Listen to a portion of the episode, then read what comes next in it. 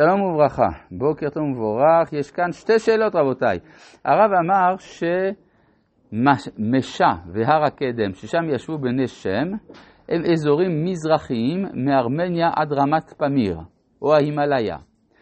ובמקרים האחרים, הרב אמר שהעברים ישבו בשטח שהיום אנו קוראים לו ארץ ישראל. איך זה מסתדר? תשובה, מה שאמרתי שבני שם ישבו בהתחלה מארמניה ועד רמת פמיר, זה לפני שהם התיישבו כל אחד בארצו. אחר כך התיישב כל אחד בארצו, וארץ כנען נפלה לחלקם של העברים, בני העבר. שאלה שנייה, בעבר הרב אמר שכל מקום שכתוב הארץ, הכוונה לארץ ישראל. אבל על ויהי כל הארץ שפה אחת. הרב אמר שמדובר על כל כדור הארץ. מתי זה כך ומתי זה כך. תשובה, עד דור הפלגה, כל הארץ זה כל העולם כולו. מאברהם אבינו ואילך, אה, לזרעך נתתי את כל הארץ הזאת, את כל הארץ זה ארץ ישראל.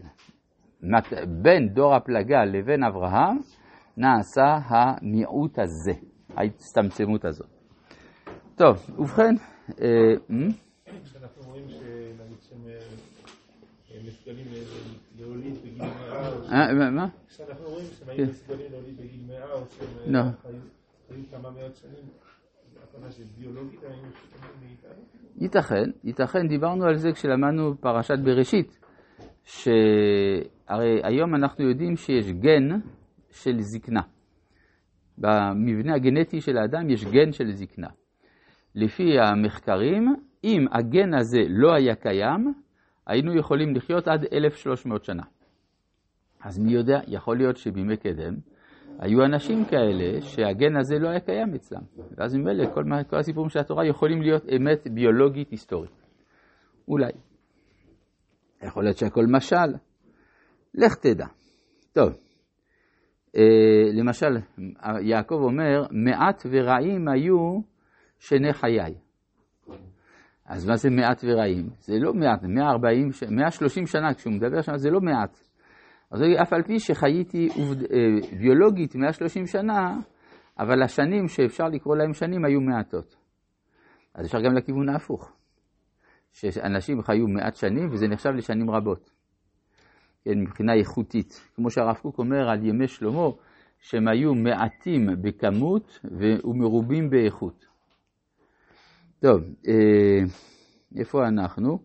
אה כן, אנחנו בפרשת נוח. והגענו לפרק י"א, פסוק ט"ו. ויחי שלח אחרי הולידו את העבר שלוש שנים וארבע מאות שנה ויולד בנים ובנות. ויחי העבר ארבע ושלושים שנה ויולד את פלג, ויחי העבר אחרי הולידו את פלג שלושים שנה וארבע מאות שנה ויולד בנים ובנות. ויחי פלג שלושים שנה ויולד את. אז השמות האלה הם מאוד משמעותיים. הרי אנחנו יודעים שעבר קרא לבנו פלג כי בימיו נפלגה הארץ. זה מה שכתוב בפרק הקודם. זאת אומרת שיש כאן תשומת לב למצב העולם בהסברה של השמות של הילדים. אז אם עבר, שהוא גם נביא וגם מוטרד מההתפלגות של האנושות או של העולם, אז אה, גם זה, זה, ולכן הוא קורא לבנו פלג, אז זה מובן מדוע פלג קורא לבן שלו רעו. רעו מלשון אהבה, רעות. כן, בארמית המילים המסתיימות בעברית באות מסתיימות באו. כן, למשל אהבה, בארמית אומרים רחימו. יראה דחילו. כן, אז גם אה, רעו זה רעות בעצם, וזה מראה את השאיפה של הדורות האלה שתיווצר האהבה, הרעות. ויחי פלג אחרי הולידו את רעו, תשע שנים ומאתיים שנה ויולד בנים ובנות, ויחי רעו שתיים ושלושים שנה ויולד את סירוג. סירוג, מלשון להתחבר זה לזה, להסתרג. כן? זה עוד יותר חיבור, כלומר לא רק רעות, אלא ממש חיבור של זה לזה. ויחי ראו אחרי הולידות סירוג שבע, שבע שנים ומאתיים שנה ויולד בנים ובנות, ויחי סירוג שלושים שנה ויולדת נחור. מה זה נחור?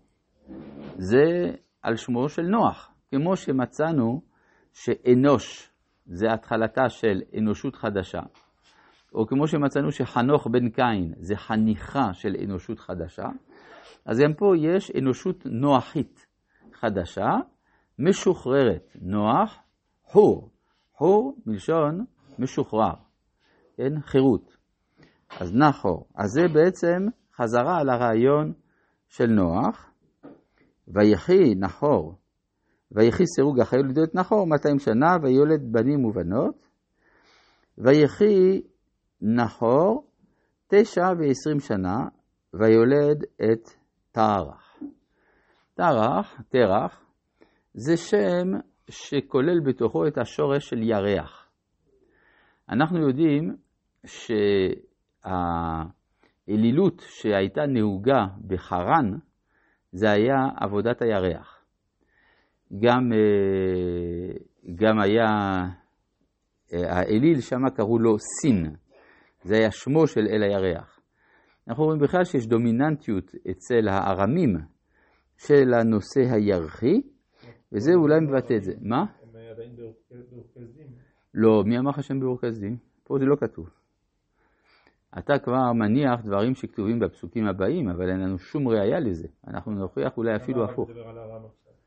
מדוע אני מדבר על ארם? משום שהמשפחה של תרח הייתה באזור ארם מלכתחילה. הרי בכלל, איפה זה אור כסדים? אם כבר אתה מדבר על אור כסדים, אז בכל האנציקלופדיות והאטלסים מראים לך את אור כסדים באזור כווית של ימינו.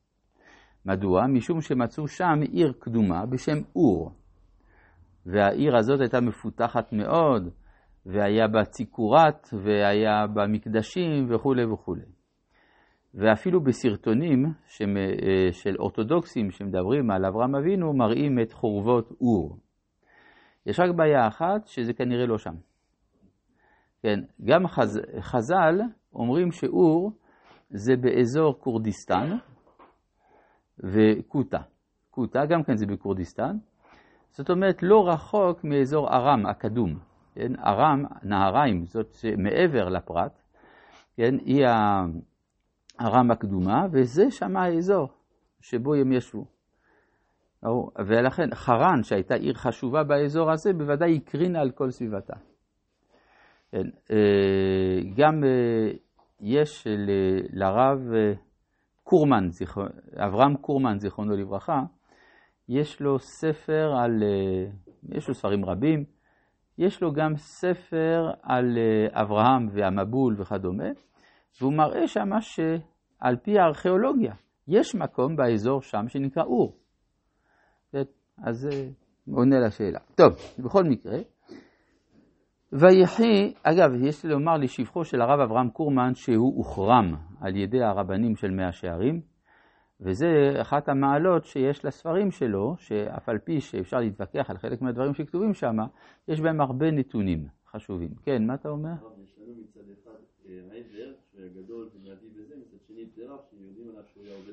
נכון. איפה זה משתנה? איפה זה נהיה עבודה זרה? לא ברור.